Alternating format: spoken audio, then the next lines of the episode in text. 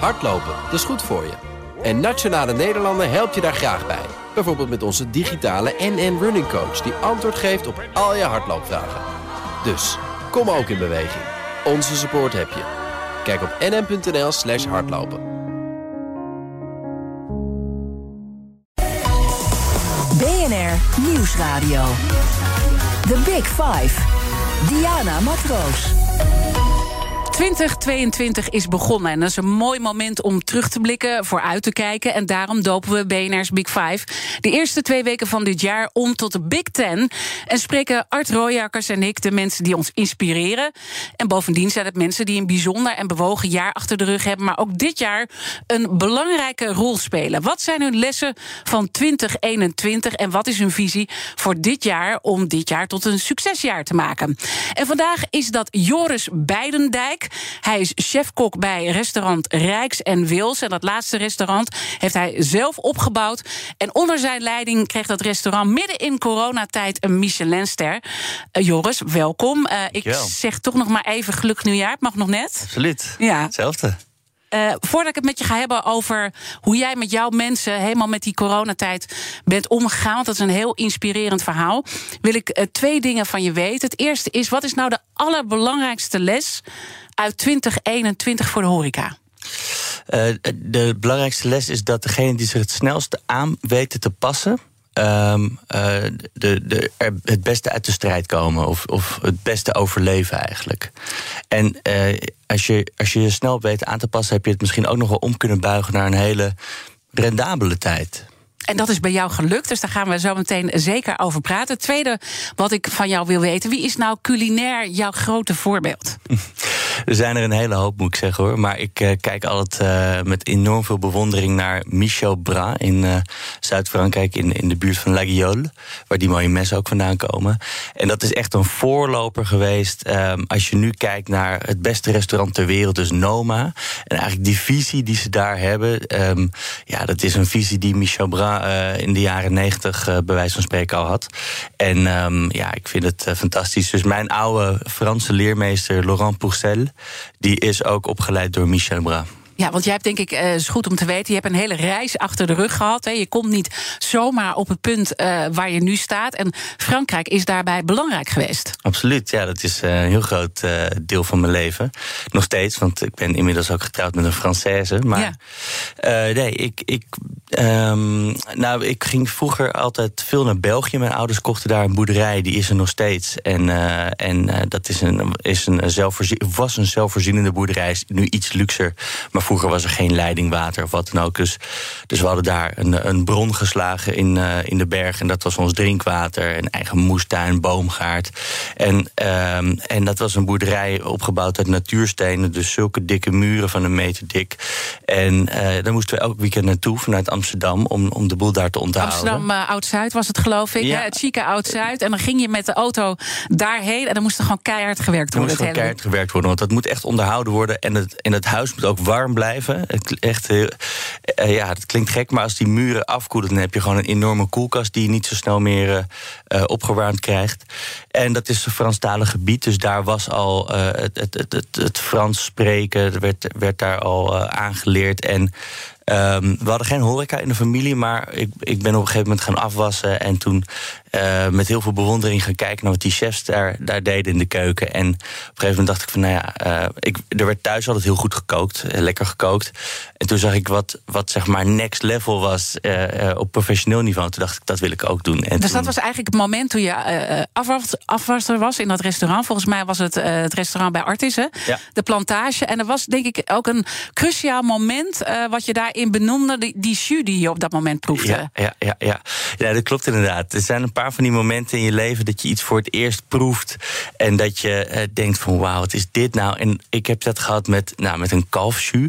En je ziet dan dat uh, chefs uh, botten in een oven schuiven. En, en de volgende dag is dat, ligt dat te borrelen in een grote pan. En nog eens een dag later wordt dat helemaal ingekookt. En op een gegeven moment krijg je zo'n lepel van dat, van dat magische, magische goedje. En als je dat dan voor het eerst proeft, dan. Nou ja, en hij is goed gemaakt. En dat had ik dus ook. Ja, ik, ik smolt helemaal. Ik dacht van wat wat is dit nou? Toen dacht ik van, er wordt bij mij thuis lekker gekookt. Maar deze smaak... Is next level. Dat is echt next level en dat wil ik heel graag leren. En, en dat was het moment dat je dacht, ik wil echt uh, chefkok worden. En daar ben je, ben je volgens mij echt heel... Uh, nou ja heel gecontroleerd ben je dat eigenlijk bijna gaan uitvoeren. Ja, nou, ik heb, ik heb um, een paar gelukjes gehad. Zeg maar, dat mijn ouders ten eerste waren ze heel blij dat ik iets had gevonden wat ik heel erg leuk vond. Dus, en dat wilden ze alleen maar motiveren. En toen hebben ze gezegd: van, nou, als je het dan doet, doe het goed. Maak een plan. En, um, en mijn plan was eigenlijk uh, in de leer bij, um, bij een, een, topchef. Want ik vond uh, echt leren koken. Dat is handwerk en je moet proeven. En, en dat zijn zintuigen. En dat kan je niet zomaar alleen maar leren uit een boek. Je kan heel veel informatie uit een boek halen. Maar echt dat, uh, dat gevoel ja. krijgen. Dat wil ik echt van een meester leren. Dus toen ben ik, ik, ik werkte al een beetje in de keuken. Ik ben toen, en ik dacht van leren rekenen en management, dat wil ik wel op school leren. Dus ik ga naar de hogere hotelschool. En daarnaast ga ik stages lopen bij visboeren, vleesboeren, groenteboeren en bij topchefs. Toen ben ik in de leer gegaan bij Ron Blauw, twee sterren in Ouderkerk. En uh, mijn plan was drie jaar gewoon bij hem uh, knallen, uh, leren, leren, leren. Ik had een oud, oud leerboek gekocht, de Eugène Pauli. Veel chefs van voor 1984, die kennen dat wel. En ik heb gezegd van nou, Ron, uh, in drie jaar wil ik alles leren wat in het boek staat. En in ruil daarvoor blijf ik dan nog drie jaar bij je werken. En daarna wil ik naar Frankrijk en wil ik daarvan een living ja, dus legend, je wist echt heel duidelijk wat je wil. Hè? Dat, dat, want je was gewoon nog hartstikke jong. En vervolgens heb je ook gewoon heel veel achter je gelaten. Want ik denk ook dat dat goed is om nog te benoemen. Want straks gaan we over al je successen praten. Maar het is heel hard werken om er te komen. En ook best wel eens eenzaam, denk ik. Uh, ja, zeker. Dus, uh, dus je moet ook wel uh, doorhebben dat, zeg maar, als je ergens passie voor hebt of wat dan ook, dat het niet betekent dat je het 24 uur per dag heel erg leuk vindt. En um, ik heb daar in Frankrijk heel erg zwaar gehad. Vooral de eerste drie maanden. Dat ik heel overtuigd en zelfverzekerd daar stond. En de eerste dagen. En, en dan ging er één keer ging de chef, die kreeg een bonnetje. En die, die riep wat rond. En dan riep iedereen, oui chef. En dan zag ik iedereen heel hard aan het werk gaan. En ik stond stil. En toen dacht ik van, oké, okay, dit gaat wel pittig worden. Je, je, wist misschien ook niet eens wat je moest doen. Nee, ik wist niet wat ik moest doen. En ik dacht dat ik de taal wel kon. Maar dat viel goed tegen. Een accent in Zuid-Frankrijk. En nou ja, goed, ik, ik was gewoon echt uh, uh, geen uh, prettige kracht in die keuken die eerste maanden. Voor mijn collega's niet en voor mezelf ook niet. Maar daar moet je doorheen. En uh, op een gegeven moment uh, was ik daar doorheen. En, en toen werd het, hè, als je het dan op een gegeven moment begrijpt, dan kan je goed worden en dan ga je de lol in krijgen. En, en dan is het nog alsnog, ik bedoel, het is pittig. Hè? Ik begon heel vroeg en we gingen heel laat, uh, waren we klaar. En ik woonde dan nog drie kwartier rijden van, van mijn werk, zeg maar. Dus ja. het was echt buffelen om er te komen en überhaupt om daar een, een functie te krijgen. Want je bent, geloof ik, wel dertig mensen afgewezen met brieven en naar binnen lopen. En uiteindelijk heb je iemand ja. moeten vastklampen. Ja, Neem maar alsjeblieft. Misschien was dat nog wel het ergste inderdaad. Ja. Dus ik ging naar, um, naar Frankrijk. Ik, ik had mijn huisje opgezegd en alles, mijn baan opgezegd in Nederland. En ik ging met mijn cv's onder mijn arm, een Peugeotje en een Michelin-gids naar uh, Frankrijk. En ik dacht van, ja, ik begin in Parijs. heb je uh, tientallen uh, sterrenzaken. Ik wil in een twee of drie sterrenzaak werken. En ik ging daar gewoon op pad en uh, aanbellen. En, um, zei, en ik zei, bonjour, ik ben, ik ben Joris, Joris. Uit, uit, Amsterdam. En mag ik mijn cv achterlaten? Ik wil hier graag werken. En, en ik kreeg gewoon overal, ik mocht niet eens mijn cv achterlaten. Ik kreeg gewoon overal nee. Gewoon, want geen... zijn, het is ook best wel een arrogante wereld, toch soms? Van, of, ja, ja, ja. ja. Kijk, als, als, we hebben nu ook wel eens in het restaurant dat er een, iemand voor de deur staat die zegt om, dat hij zijn cv wil achterlaten. En dan denk ik van, oh ja, dat heb ik ook meegemaakt laat hem even binnenkomen. Maar, maar het is altijd druk in een restaurant. Ik bedoel, s ochtends ben je ja. gas aan het geven om je klaar te zetten voor de lunch. En smiddags ben je, moet je snel eten zelf. En moet je alsnog voorbereiden voor de avond. Dus ik begrijp nu ook van ja, ik, ik, ik had daar gewoon uh, beter uh, op voor moeten bereiden. En beter afspraken moeten maken. En, maar goed, in, in Parijs werkelijk afge, uh, afgewezen bij meer dan 30 restaurants. Bij één restaurant mocht ik mijn verhaal doen. En um, toen ben ik afgewezen gereisd naar Lyon. Ook een prachtige plek met veel restaurants. Hetzelfde verhaal, overal afgewezen. En toen naar Montpellier had ik nog één restaurant op mijn lijst staan... waar ik in principe eerst ook werd afgewezen. Uh, hij zei van ja, uh, Laurent Pourcel... Die, die, ik, ik vroeg, mag ik Laurent Pourcel spreken toen ik er binnenkwam? En ze zeiden, heb je een afspraak? Weer hetzelfde verhaal. Ik zei, nee, maar alsjeblieft, uit Amsterdam kom ik. Het. Ja. Hij zei, sorry, als je geen afspraak hebt, dan, dan kan het niet. En toen zag ik hem lopen. En toen zei ik, ja, dat is de man die ik hebben moet. En, en, toen, um, en toen keek hij me aan en hij rende gauw weg zijn kantoortje in. En toen vroeg, Jij rende erachteraan. En na de receptionist die rende erachteraan van... ja, ik weet het ook niet, die jongen die wil zijn cv afgeven. Ze nou, laat hem maar even plaatsnemen. En toen zei hij van, nou ja, prachtig verhaal, leuk, goede motivatie... maar sorry, ik heb geen plek. Um, ga terug naar Amsterdam en dan, uh, en dan houden we contact. En toen ben ik teruggegaan met, echt tussen, met de staart tussen mijn benen. Want ik schaamde me rot, want ik had grote praatjes. Nou, ik heb zes jaar lang hier gewerkt. En nou ga ik naar Frankrijk en ik ga het helemaal maken. En, dus ik schaamde me helemaal, helemaal uh, kapot. Maar um, gelukkig werd ik na een paar weken gemaild door uh, Laurent... dat hij me binnen twee weken in zijn keuken Oké, dus je had toch wel die indruk gemaakt. En de rest is eigenlijk history, hè? Want vervolgens heb je een, een Frans televisieprogramma... ben je uiteindelijk voor uitgekozen om daar mee te doen... waardoor je echt daar echt super beroemd bent geworden. En daardoor heb je ook al die mooie dingen in Nederland kunnen doen. Je, je moet heel erg lachen nu. Ja, nee, dat is natuurlijk allemaal van korte duur. Maar ik werd, werd inderdaad geselecteerd voor het programma Top Chef... wat in Frankrijk nou, gemiddeld door 4 miljoen mensen wordt bekeken elke week. En dan ben je inderdaad eventjes enorm uh, zichtbaar. En dat is gelukkig nu ook wel weer weg, hoor. Goed. The Big Five. Diana Matroos. Mijn gast is Joris Beidendijk, chefkok van restaurant Rijks en Wils. Uh, je hebt uh, twee restaurants uh, die je runt. Binnenkort komt daar trouwens nog een derde bij, hè? Wils Bakery. Je bent eigenlijk meer ondernemer dan kok geworden. Hè? Want het is, nou ja, we kunnen niet de hele historie natuurlijk behandelen, maar een beetje gehoord hoe je bent begonnen. Je ouders zijn dus bepalend geweest, ook waardoor je echt ook nou ja, op die landbouwgrond de dingen echt hebt ontdekt. Daar gaan we in het laatste deel van het gesprek verder over praten. Maar we komen nu toch ook uh, uh, terugblik bij 2021. Het was gewoon ook een hartstikke pittig jaar. En dat ja. was nog eens een keer pittig jaar op een ander pittig jaar. Hoe kijk je terug? Uh, ik ben uh, blij dat het uh, 2022 is. Mm -hmm. en hopelijk wordt dit beter. Ik, ik heb niet al te. Ik denk niet dat het in één keer helemaal omslaat en dat alles anders wordt dan 2021. Maar ik vond het pittig, 2021. Um, uh, we zitten nu bijna twee jaar uh, in, in deze toestand, kan ik wel zeggen. Hè? Dat uh, dicht, open, dicht, open. Ehm, wat ik um, vooral pittig vond, vind, is dat um, de onzekerheid, zeg maar. Maar ja. het is zo cliché inmiddels. Hè? Ik bedoel, iedereen. Nou ja, maar de horeca heeft het gewoon het zwaarste te verduren gehad. En die onzekerheid. je hebt ook een tweet op een gegeven moment gestuurd hè, naar Rutte en de jongen van. Ja, ja, Waar nee, ook wel een ik, beetje de irritatie uit blijkt. Nou ja, ik, ik vond dat ik uh, redelijk uh, rustig de vraag stelde van... Uh, Zeker. Um, Hugo de Jonge, Mark Rutte... kunnen we alsjeblieft een beetje helderheid krijgen over de kerst? Want we moeten ons voorbereiden. En nou goed, ik, ik, kreeg er veel reactie van op, maar mm -hmm. niet, niet van hun. Maar, en dat begrijp ik ook wel. Maar het was wel echt om even te laten zien van... jongens, en ik ben niet de enige. Kerst is zo'n een ding... He, uh, daar moet je je echt uh, weken, maanden op voorbereiden. In, in augustus, september liggen de kerstmenu's uiterlijk klaar.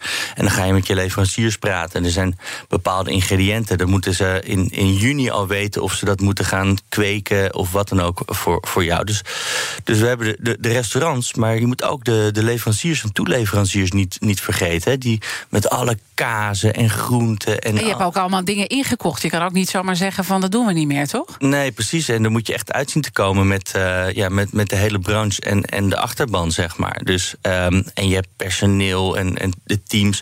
Dus we zijn in 2020 zijn we wel wat uh, teamleden uh, kwijtgeraakt, helaas. Want dat is denk ik het, het, volgende probleem voor de horeca. Er was al een personeelstekort trouwens. Daar kampt iedereen ongeveer mee ja, in Nederland. Echt ongelooflijk. Maar dat, dat is nog een slagje erger geworden. Ja, het was ook krap uh, in de horeca voordat uh, corona uh, om de hoek kwam mm -hmm. kijken. En dat is natuurlijk veel krapper geworden, omdat er in één keer ja, eigenlijk heel veel. Het is een onaantrekkelijke branche, was het. Een onzekere branche. Van oh, we gaan dicht, er is geen werk voor mij. Ik ga ergens anders maar een, een, baan zoeken. En dat begrijp ik ook. Um, dus we waren net weer aan het terugkrabbelen en teams aan het opbouwen. En dan ga je weer, weer dicht. En ik, ik hou niet van klagen, maar het, deed toch wel een beetje pijn, moet ik zeggen. Dus mm -hmm. we willen, willen die mensen ook niet kwijt. Dat is constant ook de insteek geweest. Gewoon wat kunnen we eraan doen? Om die mensen. Om iedereen gewoon aan het werk te houden. Om onszelf te bedruipen. Niet, niet direct met je handje op gaan uh, zitten. Maar zelf een plan maken om toch nog omzetstromen te vinden. Uh, ja. en, en je team te kunnen behouden. Maar je had dus eigenlijk uh, van Politiek Den Haag gewoon meer duidelijkheid verwacht. Helderheid misschien gewoon wel eerder dicht. En niet dat, dat, dat, dat gezeur van die onduidelijkheid. ja, wat, kijk, waar voor ons maakt het niet zo veel. Kijk, dat hybride, uh, en daar bedoel ik mee, een, een beetje dicht en een beetje uh, open. Oftewel, op een gegeven moment uh, moest je om 12 uur s s'avonds de tent leeg hebben. Dat werd op een gegeven moment 8 uur, dat werd 5 uur. En dat volgde zich heel snel achter elkaar op. Ja. want elke keer bedachten we snel een plan. Ehm, en, en ik moet eerlijk zeggen, toen we om 8 uur dicht ehm, moesten, um, toen was het eigenlijk nog best goed En we hadden toen de dunch geïntroduceerd. Het, het, het, het eetmoment tussen lunch en diner. Um, en dat sloeg hartstikke goed aan. En, uh, en, en, twee weken later was het alweer uh, vijf uur dicht. En dat laatste, dat is echt onmogelijk. Hè? Dus dan moet je twee bedrijven in één uh, ruimte zien te proppen. Namelijk een, een bedrijf waarin je takeaway doet. Of, of, wij noemen het dan makeaway, omdat we een soort van doe-het-zelf boxen hadden. Ja. Um, en je bent nog half open. En dat, is, dat was uh, echt niet goed te doen. Dus ik had liever gehad van jongens. Um, zeker voor het onzekere, maar we gooien de tent nu uh, we gooien de horeca nu echt dicht uh, totdat het weer helemaal open kan. Dan weet je in ieder geval waar je aan toe bent ja. hè, voor de komende. Ja. In plaats van dat het uh, om de twee weken iets ja. meer iets En hoe kijk je dan naar dit jaar? Want nou ja, we moeten de 14 januari dan uiteindelijk afwachten. Maar ja, de berichten zijn ook niet heel hoopvol, toch? Nee, maar dan weten we in ieder geval uh, precies wat, we, wat ons te doen staat. En, uh, en dan is het duidelijk en dan kun je een plan maken en, uh, en, en daarop anticiperen. En dat is uiteindelijk wat je wilt. Je wilt kunnen anticiperen. En als je niet eens kan anticiperen, omdat je überhaupt niet weet wat er. Uh, uh, je hebt wel een gevoel van dit gaat er gebeuren, maar als je het niet uh, echt weet, dan. ja. En die duidelijkheid die was er. En ik denk dat dat ook wel mooi is. Want aan het begin van het gesprek zei je van de belangrijkste les is het verschil tussen wie zich kan aanpassen of. Ja. Uh, de mensen, ik verwoord het even mijn eigen woorden, die, die in de koplampen zitten te kijken van wat gebeurt er nu. En eigenlijk uh, totaal in uh, shock zijn. wat jullie hebben gedaan is echt ongekend. Die lockdown ging in. We hoorden dat geloof ik op zondag. En op maandag hadden jullie meteen al. Ja ja, ja. en dan, ga, dan, gaan we eigenlijk terug naar uh, maart uh, 2020. Hè. Precies. Dus, um, uh, ja, nou ja, iets verder terugblikken, ja. precies. Dus, dus het, was, het begon enorm te rommelen. Hè. Februari, maart, corona. Niemand wist precies wat het was. En het gaat ons nog nooit gebeuren. Maar wij merkten dat in Azië het al behoorlijk uit de hand was gelopen. En natuurlijk Noord-Italië toen. En wij hebben heel erg contact. En als ik zeg wij, bedoel ik Rijksrestaurant. En mijn collega's contact gehouden met collega-chefs in die uh, getroffen gebieden. En uh, gevraagd van wat gebeurt er allemaal bij jullie? En daar ging de horeca ook dicht. En het hele land uh, ging op slot. En dat hebben we heel erg gevolgd. En daar hebben we um, inspiratie uit opgedaan. En toen hoor, op donderdagavond zeiden we tegen elkaar... volgens mij moeten we uh, takeaway gaan opzetten. En dat was in mijn branche was dat echt not done bijna. Ja, je wordt niet chef-kok om takeaway te doen, Nee, precies. Ja. En, en ik bedoel, als ik het nu zou weten... van wat, wat hebben we lopen slapen afgelopen jaren. Maar, want het is hartstikke interessant. Blijft denk ik ook, hè? Ja, dat, wat mij betreft is dat echt een, een blijvertje, ja. zoals dat heet. Ja. Um, en, en toen hebben we donderdagavond met een, een klein team gezegd van nou, dit gaan we doen. Vrijdagochtend uh, hebben we een persbericht geschreven, hebben we alles opgetuigd. Het was vrijdag de 13e, uh, zonder te weten dat zondag uh, daadwerkelijk de horeca dicht moest. Dus, we dus hebben vrijdag... waren echt voor de markt vooruit? Voor de markt vooruit. Ja. Dat is ook onze grote redding geweest. Um, en dat, en dat, werd, dat was echt nieuws, zou je kunnen zeggen. Nou ja, NOS Journaal heeft er zelfs een NOS Journaal, die schreef erover en die kwam filmen. En, en zondagavond ging daadwerkelijk de horeca dicht. En toen stonden wij er helemaal klaar voor. En toen, nou, het was, we wisten niet wat ons overkwam. We dachten van, nou ja, maandag doen we 100 porties. Dat is ongeveer één keer een restaurant vol. Nou, was binnen vijf minuten uitverkocht. Dinsdag 150 porties. Dan hebben we zeg maar een halve lunch en een vol diner. Zo zagen we het dan. Woensdag nog iets erbij. Donderdag, vrijdag zou dan de Big Bang worden. 300 porties, meer dan we normaal gesproken zouden doen. En het was, uh, we hadden van die apparaatjes staan uh, waar die bestellingen binnenkwamen. En die stonden een beetje te rinkelen de hele dag al. En we zaten dat te volgen. Om vier uur zaten we opeens al op 300 porties. Hè? Ja. Jeetje, we zijn nog niet eens open. En want we zouden om zes uur open gaan. En toen uh, voor zessen, toen dachten we van pakken de, de mise en place voor de zaterdag. De dag daarna die pakken we erbij. En hebben we 600 porties. Nou, dit kan niet waar. bizar. En dat ding bleef maar gaan. En toen op een gegeven moment was het nog niet eens zes uur. Toen hadden we al duizend porties verkocht, maar dat eten hadden we helemaal niet. Dus, dus dan raak je in paniek. Ja, we raakten volledig in paniek. We wisten niet hoe we die apparaten uitkregen. Dus we hebben stekkers eruit getrokken. Maar we hebben dus wel die dag gewoon 400 man uh, niet, niet, iets gehad wat ze wel hadden besteld. Dus en ik begreep dat het een soort demonstratie was buiten van uh, bezorgers op hun scootertje. die stonden te wachten. Stond, er stond, echt inderdaad, ja. Het was een soort, ja, er stonden gewoon 50 man met zo'n rugtasje nummers te roepen. En dat is totaal iets wat we, waar we geen ervaring mee hadden. En dat was ook niet, niet gecontroleerd. Dus daarna hebben we gezegd, we doen maximaal 400 porties per dag. En dat hebben we toen wekenlang ja. goed volgehouden. En dat was waanzinnig. Maar de kern wat erin zit, is dat, dat je echt ook gewoon meer en meer een ondernemer bent geworden. En dat je dus echt ook in staat bent geweest om elke keer met je team heel snel te schakelen. Precies, precies. En dat is ook echt, we deden een soort van power meetings. Telke keer als er een maatregel was, of, of, of we zagen de sales iets omlaag gaan. En we wilden onszelf blijven bedruipen. En we wilden een aantal dingen: team behouden, lol hebben. Uh, dus elke dag werd er keihard muziek gedraaid die mensen leuk vonden. Er werd nog steeds maar extra lekker gekookt voor, voor het personeel. En dan gewoon met z'n allen doen wat, waar we misschien niet voor geboren zijn, maar doosjes inpakken. En, en gewoon zorgen dat we kunnen blijven draaien. Ja, en dat je dus ook niet je hand hoeft op te houden. En Precies. je personeel, denk ik, houdt. Hè? Want dat zat er denk ik ook wel echt onder. Ja, dat was echt een, een van de hoofddoelen inderdaad. Van jongens, dit, deze mensen willen we bij elkaar houden. En daar gaan we zelf alles aan doen. Was het moeilijk om je mensen te blijven motiveren? Uh, ja, dat, op een gegeven moment wel, ja. Dus, dus uh, niet, niet voor iedereen. Er zijn, uh, je, hebt, je hebt de emotionele en de rationele collega's natuurlijk. En ja, het is, het is ook niet mijn lievelingswerk. Ik zou liever ook gewoon weer een restaurant hebben dat open is. Maar goed, de omstandigheden zijn zo. En dan kan ik daar rationeel in staan. En heel veel anderen ook. Maar niet iedereen. Er zijn ook wel mensen die hebben gezegd van... nou, hier pas ik voor.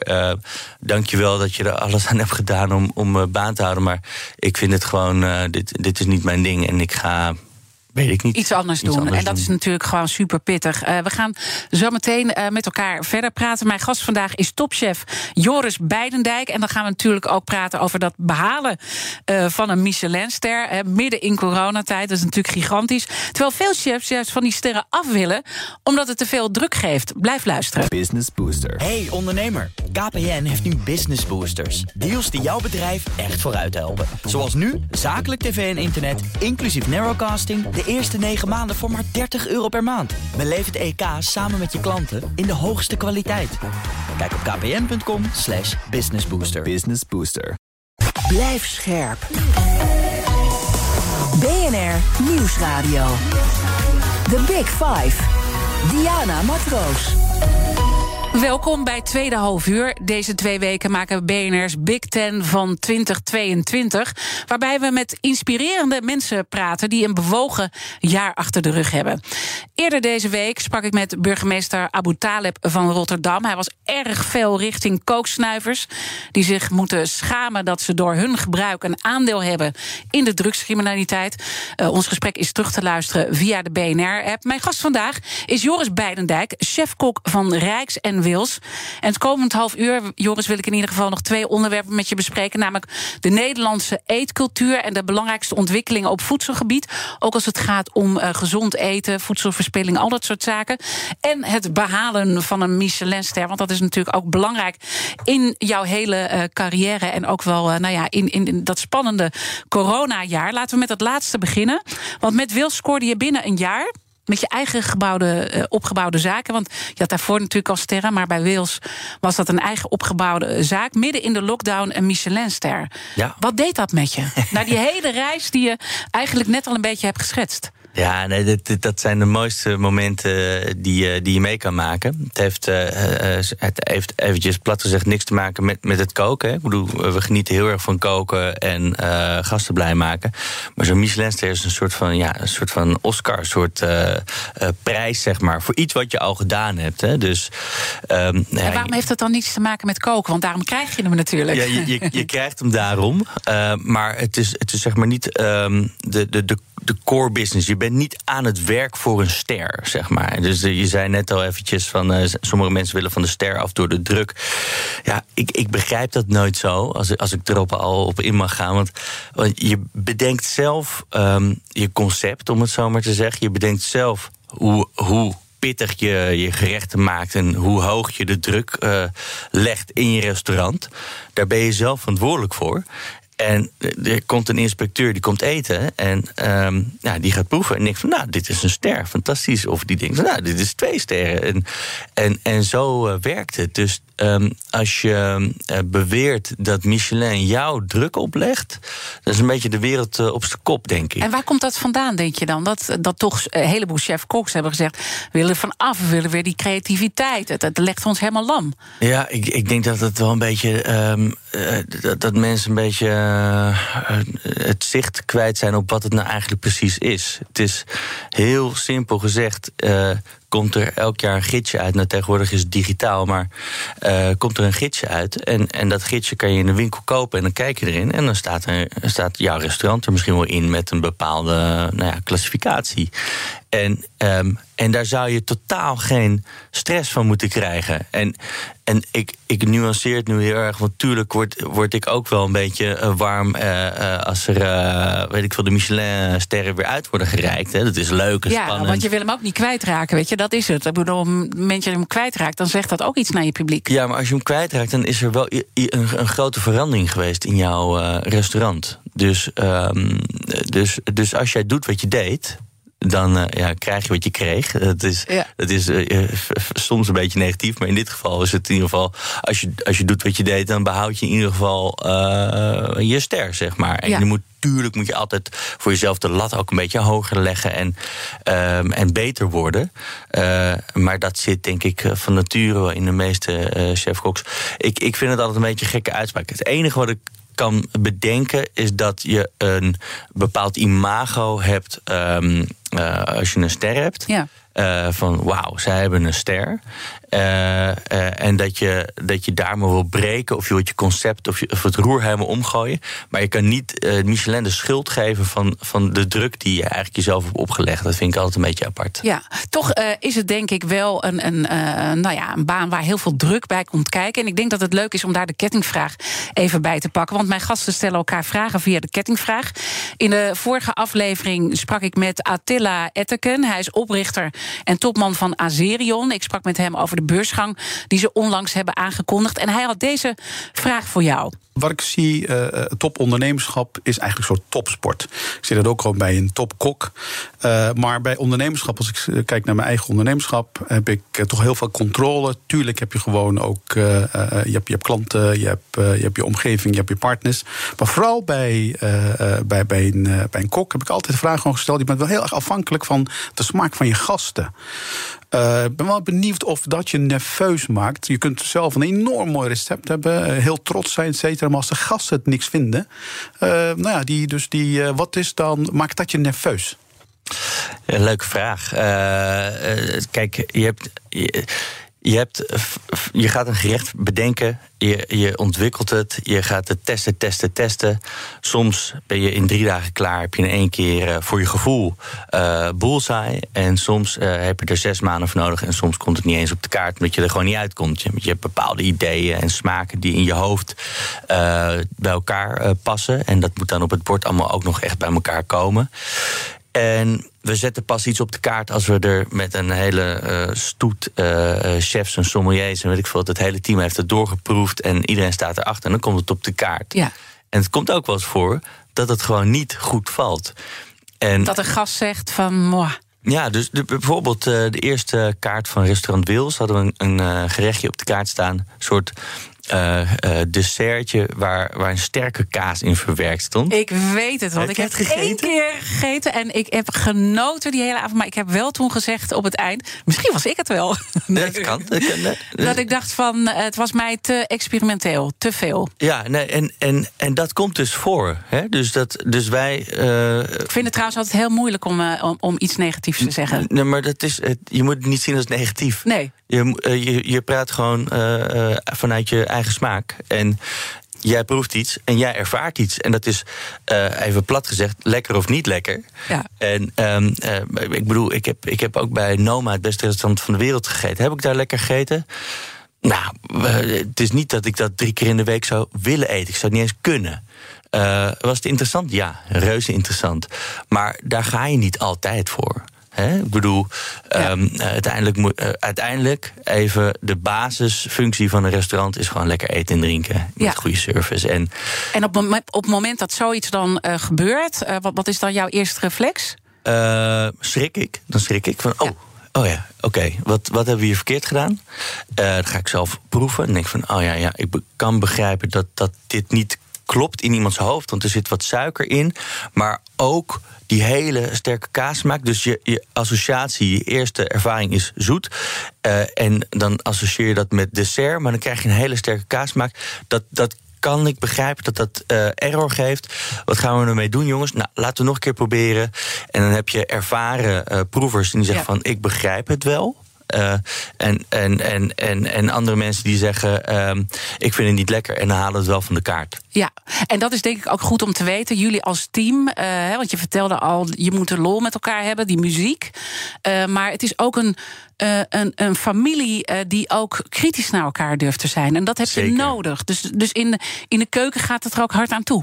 ja, ja, in ieder geval duidelijk. Ja. ja. in ieder geval duidelijk. Ik bedoel, ehm, en, en, en niemand, als het goed is, niet, niet, niet zo snel beledigd. Ik bedoel, iedereen mag zijn mening gewoon geven en moet elkaar constant challengen. En dat maakt ook een restaurant. Ik ben niet de enige die daar, uh, weet ik veel, bepaalt wat er op de kaart komt en wat niet. En uh, ik luister heel goed naar iedereen. Sterker nog, uh, de ontwikkeling zit echt, is, is, is, door, wordt door heel veel mensen gedaan. En samen gaan we constant proeven. En we moeten ook zorgen dat gewoon zoveel mogelijk mensen het lekker vinden. En er zal altijd wat tussen zitten wat iemands smaak niet is of zo. En dat is ook niet erg natuurlijk. Maar, nee. maar je, je geeft dus eigenlijk ook heel veel vertrouwen aan de vloer. Want ik kan me ook voorstellen met alles wat je doet. Want ik denk dat we ook nu een beetje op dat punt komen. Wauw, wat doe je ontzettend uh, veel. Uh, uh, volgens mij heb je nog meer ambities. Hoe vaak kan je zelf nog in de keuken staan überhaupt? nou, ik moet eerlijk zeggen, in die hele coronaperiode... dat, dat heeft me het meest tegenstaan. Dus dat ik steeds minder in de keuken ben gaan staan... omdat ik heel erg constant aan het regelen was. Maar ik hoop dat als, als de restaurants weer een beetje normaal open gaan... dat ik dan weer echt flink in de pannen kan roeren. Want dat is uiteindelijk wat ik het allerleukste vind... en waar ik kok voor geworden ben, zeg maar. Ja. Maar goed, het is logisch dat als je meerdere zaken hebt en, uh, en, en, veel projecten hebt, dat je dan ook uh, iets meer uh, manager kan gaan worden dan echt alleen maar fulltime ja. iemand in de pannen roept. Maar wat zijn nou jouw grote dromen? Hè? Want je bedoel, je hebt nou je hebt meerdere sterren binnengehaald, maar nu ook voor je eigen zaak. Dus dat is een soort, nou, dat wilde je heel graag. Dat is nu gelukt. dan heb je die derde zaak die erbij komt, ja. hè? Will's Bakery. Ja. Um, boeken. Ja, er is er volgens mij net eentje uit. We hebben hier ja, een hele ik mooie liggen. hier liggen. Bij Beidendijk thuis. Dit is eigenlijk een, een, een, een cadeautje van, uh, van uh, de coronatijd. Want ik was helemaal met die avondklok en zo vaak vroeg thuis. En dan ging ik, ik, ik kook heel graag thuis. Als ik thuis ben en, en dan ga ik koken en dan ga ik dingen testen die ik nog niet kan. Want ik wil het gewoon kunnen. En dan ga ik croissantjes maken of brood bakken. Of uh, weet ik veel wat, uh, pâtés maken thuis. En uh, dat hebben we allemaal samengevat in dit mooie boek. En um, wat wil ik nog meer bereiken? Uh, nou goed, ik zou het fantastisch vinden dat... dat buitenlanders naar Nederland komen. Niet alleen voor het Rijksmuseum, maar ook voor de gastronomie. En ik kan je vertellen dat het echt inmiddels absoluut uh, mogelijk is. Dat mensen echt voor de restaurants naar ons land toe komen. Want we hebben dat van oudje natuurlijk, dat imago niet. Ja. En um, En, en er is nee, want er staat meer bekend om de kazen. En er mag wel wat meer bekendheid rondom onze gastronomie zijn. Ja, absoluut. En het is, we hebben nu echt te maken met een topgeneratie van jonge chefs en ook uh, boeren. Dus we hebben ten eerste alle, lek, alle lekkere ingrediënten die nodig zijn voor een, uh, voor een uh, topgastronomisch land. De zee, uh, alles wat in de lucht vliegt en alles wat op het land groeit en, en wandelt. Um, en we hebben getalenteerde topchefs. ik bedoel, we zijn denk ik nu, we hebben het over de vierde of vijfde generatie chefs. In de jaren tachtig, eerste generatie met kaspijkers. Daarna de juniboeren. Ja. En, nou jullie zijn nu bijna een soort rocksterren geworden. Hè? Dat is toch wel een beetje de status die jullie ja, het is term die erin is geslopen. Vind je vervelend? Uh, ja, we, we krijgen uh, meer aandacht dan. Uh, chefs krijgen veel aandacht. Uh, relatief, denk ik, als je het vergelijkt met 20 jaar geleden. En dat is, of 30 jaar geleden.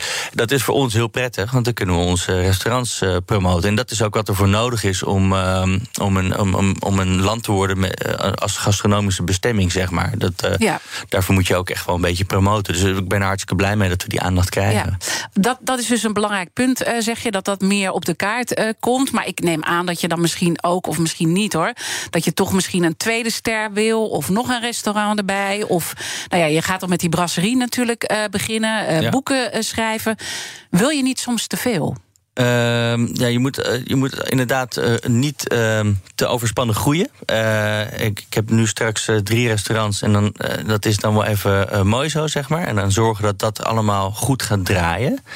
En ja, er komen altijd weer nieuwe dingen op het pad. En de stichting, daar gaan we het volgens mij straks ook nog even over hebben. Ja, ja ehm, ik, ik, rustig aan. Maar... Ik denk dat dit een mooi bruggetje is. Zometeen praat ik verder met Joris Beidendijk, chefkok van Rijks en Wils. Maar eerst eventjes horen eh, wat jullie zometeen om 11 uur in BNR bereikt hebben. Nou, we hebben het over Groningen kan ik je vertellen. Want de Groningers zijn boos. Een aantal partijen in de Kamer zijn boos. Vanwege een brief die van Economische Zaken nu naar de Kamer is gegaan. waarin staat: Misschien moeten we toch bijna twee keer zoveel gaan oppompen dit jaar. Terwijl er eigenlijk was beloofd dat we op de helft van dit jaar nog op een nihile hoeveelheid gas zitten dat we uit de Groningse bodem moeten halen. Maar ja, we moeten dit vanwege een contract met de Duitsers en dat er een fabriek, een stikstoffabriek, niet op tijd is opgeleverd. Hebben ze eigenlijk wel een punt, de boze Groningers? Ons breekijzer. Het is terecht dat de gaskraan nog niet dicht gaat. We hebben het Groningse gas nu eenmaal nodig. Wat denk jij? 020 468 4 keer 0. Dat is het nummer. Vanaf 11 uur kan je bellen. 020 468 4 keer 0. Spreek ik je in BNR Breekt. BNR Nieuwsradio. The Big Five. Diana Matroos. Je luistert naar BNR's Big Ten van 2022. Eerder deze week sprak ik met ondernemer Attila Etteken over de snelle groei van zijn onderneming Azerion en natuurlijk die geplande beursgang. Het gesprek is terug te luisteren via bnr.nl. Mijn gast vandaag is Joris Beidendijk, chefkok van de restaurant Rijks en Wils.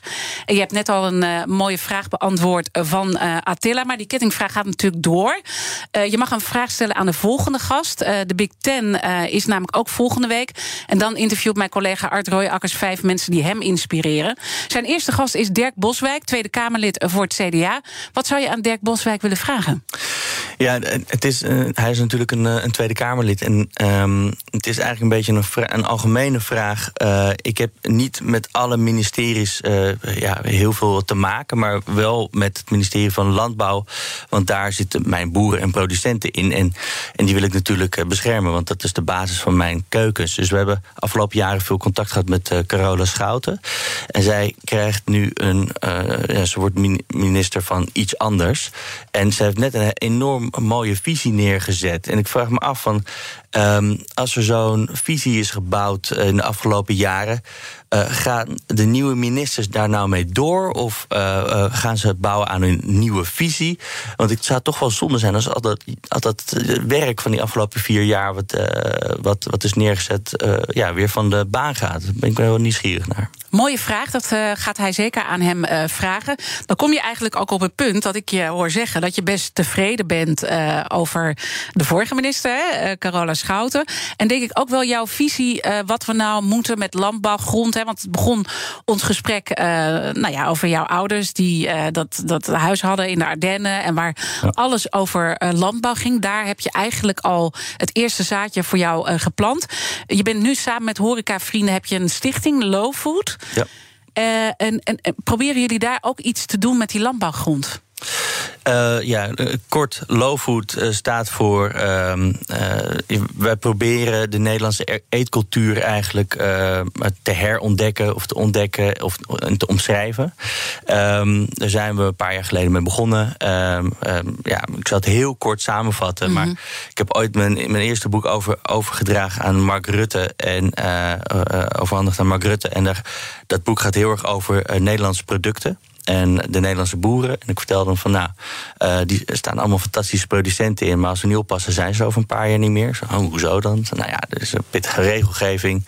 Uh, zou ik een keer een, een vurig pleidooi mogen houden bij onze minister van, van Landbouw, Carola Schouten. Zei, ja, dat is goed, gaan we regelen. Dat gebeurde en toen zijn we in gesprek gegaan met haar. En um, en uh, we hadden gesprekken over hoe kunnen we er nou voor zorgen dat we, dat we deze kleine producenten beschermen. Want ze zag het belang. En zij gaf ons het advies van groepeer jullie. Nou, maak, maak een groep en, en word iets, zeg maar. En dat is uh, Stichting Low Food geworden. En we concentreren ons daar nu in op drie dingen. Het organiseren van uh, symposia, één grote en twee kleine per jaar.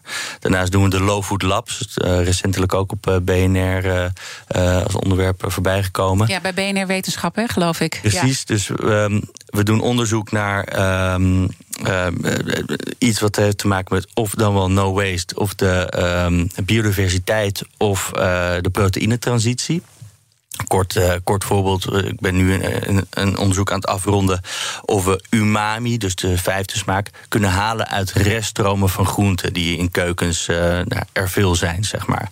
Nou, dat publiceren we allemaal, dat is open source. Dus dat zijn de Low Food Labs. En dan hebben we de Low Food, zeg maar, de, de, de opleiding, de Low Food Chefs Academy, waar we elk jaar 15 uh, studenten, chefs in spe, een opleidingstraject aanbieden. En hopelijk wordt dat ooit een echt een College. Een, ja. Een, ja.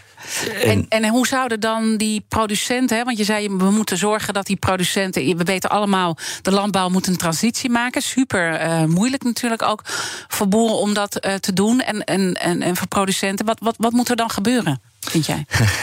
dat is een, een, een, grote vraag. Maar um, wat er was gebeurd in ieder geval is dat uh, in, in, de, in de zeg maar de visie van, op landbouw die een paar jaar geleden is, de nieuwe visie op landbouw die een paar jaar geleden is gepresenteerd. Er stond echt een, een aantal paragrafen in waarin wordt gezegd van ja, we moeten de kleine producenten beschermen en, um, en, en wat en daarvoor was dan de, ja, de circulaire uh, landbouw uh, bedacht. Mm -hmm. uh, wat ik een hele sterke en goede visie vond. Dus daarom ben ik ook zo nieuwsgierig van, wordt dat nou voortgezet? Wordt het doorgezet? Want, want waarom ben jij hier zo ontzettend betrokken bij? Want ik kan me ook voorstellen, hoe kan je dit er dan nog bij doen, vraag ik me af. Want het is zo ontzettend veel. Maar er zit du duidelijk een drive om er iets mee te doen. Het is de basis van mijn, van mijn business. Dus als ik geen goede producten heb, heb ik geen goede keuken.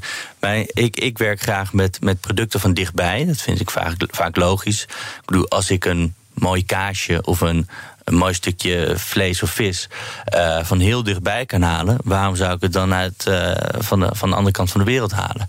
Voor uh, specerijen vind ik dat een ander verhaal. Die kan ik hier niet krijgen. Vind ik wel heel lekker. Zeg ik geen nee tegen. Maar ik hou zoveel mogelijk van, van dichtbij.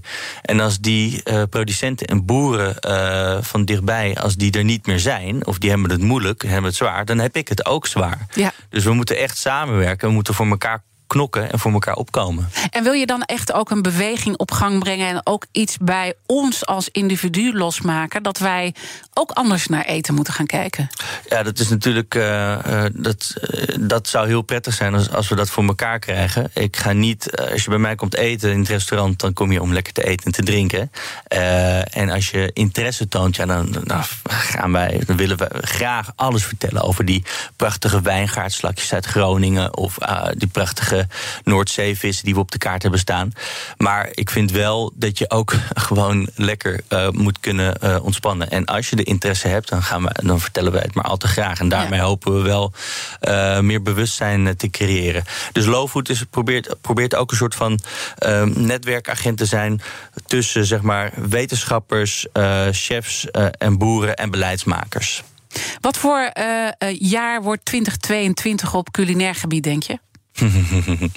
Uh, de, de ontwikkelingen uh, gaan gewoon door. Ik denk dat uh, straks takeaway op elk niveau uh, in de horeca is, is, is normaal. Is het inmiddels ook. Ik hoop dat we gewoon straks weer open gaan en dat er dan heel veel restaurants sterker uitkomen. En uiteindelijk ook dus dat we op, op internationaal gebied veel meer gaan uitblinken en, en veel zichtbaarder worden. Ja, en dat, en dat zie je ook steeds meer gebeuren. Hè. Er zijn een aantal internationale lijsten. Ik bedoel, Michelin is de lijst en, en, en, en, en wereldwijd. Maar je hebt ook de 50 Best en de 50 Best Discovery en de Best Chef Awards.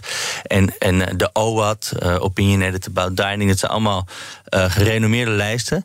Waar steeds meer Nederlandse restaurants zichtbaar in zijn. En dat is een waanzinnige ja, trend. Zou je zelf ooit naar het buitenland willen gaan? Om toch, want dat denk ik dan als je chefkok bent, dan wil je toch een keer echt op, op een topspot zitten en misschien niet in Amsterdam? Ja, ik vind Amsterdam echt een topspot. Uh, Het leuke is dat het uh, ja, zo aan het groeien is. Dus het is altijd leuk om in een groeiende markt te zitten. Uh, mijn vrouw is Française. En die is niet van plan om, uh, om tot haar tachtigste in uh, Amsterdam te blijven wonen. Dus de, de, we gaan ooit nog naar het buitenland. Waar dat gaat zijn, dat weet ik niet. Want uiteindelijk brengt zij ook, denk ik, best wel veel offers voor jouw werk. Uh, ja, ja het, is, het is de horeca. En ze, komt, ze, ze, ze, zit zelf ook in de horeca. Dus we hebben elkaar ontmoet in het restaurant in Frankrijk. Dus, um, dus we hoeven het elkaar ook niet uit te leggen. Hè? Dus uh, zo zijn we opgevoed, om het zo maar te zeggen. Maar natuurlijk, als je naar een uh, vreemd land verhuist... en ze komt uit, uit een warme regio. Dus... Hm, nou ja, jij bent veel weg ook, denk ik, toch? En dat ik, is, en, ja, zeker, jullie hebben zeker. kinderen, dus dat is natuurlijk ja. echt wel... Hè, want dat komt ook een beetje als een rode draad. Een heleboel mensen denken van wauw, wat geweldig. En het is natuurlijk ook zo. Maar je hebt er ook gewoon veel offers voor gebracht. En ook samen dus veel offers voor absoluut. Kijk, het, het, het normale leven, zeg maar, is niet uh, gemaakt voor de horeca. Of, of, of andersom. Maar uh, het hele systeem wat we hebben is echt gebaseerd op 9 tot 5. En de horeca is juist altijd aan het werk als anderen ja. willen ontspannen. Ik word hier heel gerustgesteld van. Maar mijn zoon die gaat nu in februari naar de hotelschool in Maastricht. Nou ja, die gaat dus ook zo'n ja, maar dat, dat, kijk, uh, ik lig daar nooit wakker van. Ik heb daarvoor gekozen en, en dat is uh, gewoon normaal. Dat is mijn ritme. Um, en we, ik moet samen met mijn vrouw ervoor zorgen dat we een hele goede balans hebben thuis. Dat we elkaar voldoende blijven zien. Ja. En uh, de kinderen genoeg zien. En, en dat, dat gebeurt ook. Nog even naar die allerlekkerste smaak. Want ik heb hier een topchef. En dan moet je natuurlijk even vertellen... wat vind jij zelf het allerlekkerste? En wat is dan die magie in je hoofd? Uh, ja, mag, mag, ik daar een minuutje voor nemen? Krap minuutje. Krap minuutje. nou, de, de, de, lekkerste smaak zijn vaak die eerste herinneringen. Bijvoorbeeld uh, wilde uh, veldchampignons die mijn vader had geplukt... lekker gebakken in de roomboter op een getooste boterham in België... met veel roomboter erop. Heerlijk. Uh, ik heb meteen uh, trek gekregen. Dankjewel dat jij mijn gast wilde zijn. Ik hoop echt voor jullie allemaal dat het een beter jaar wordt uh, in de horeca. Joris Beidendijk was mijn gast vandaag. En natuurlijk zijn alle afleveringen van BNR's Big Five... zoals altijd terug te luisteren. Ga naar onze podcast en daar vind je hem in onze app, moet ik zeggen. En ook via de site. maar ik wens je vooral een mooi... Hardlopen, dat is goed voor je. En Nationale Nederlanden helpt je daar graag bij. Bijvoorbeeld met onze digitale NN Running Coach... die antwoord geeft op al je hardloopvragen. Dus, kom ook in beweging.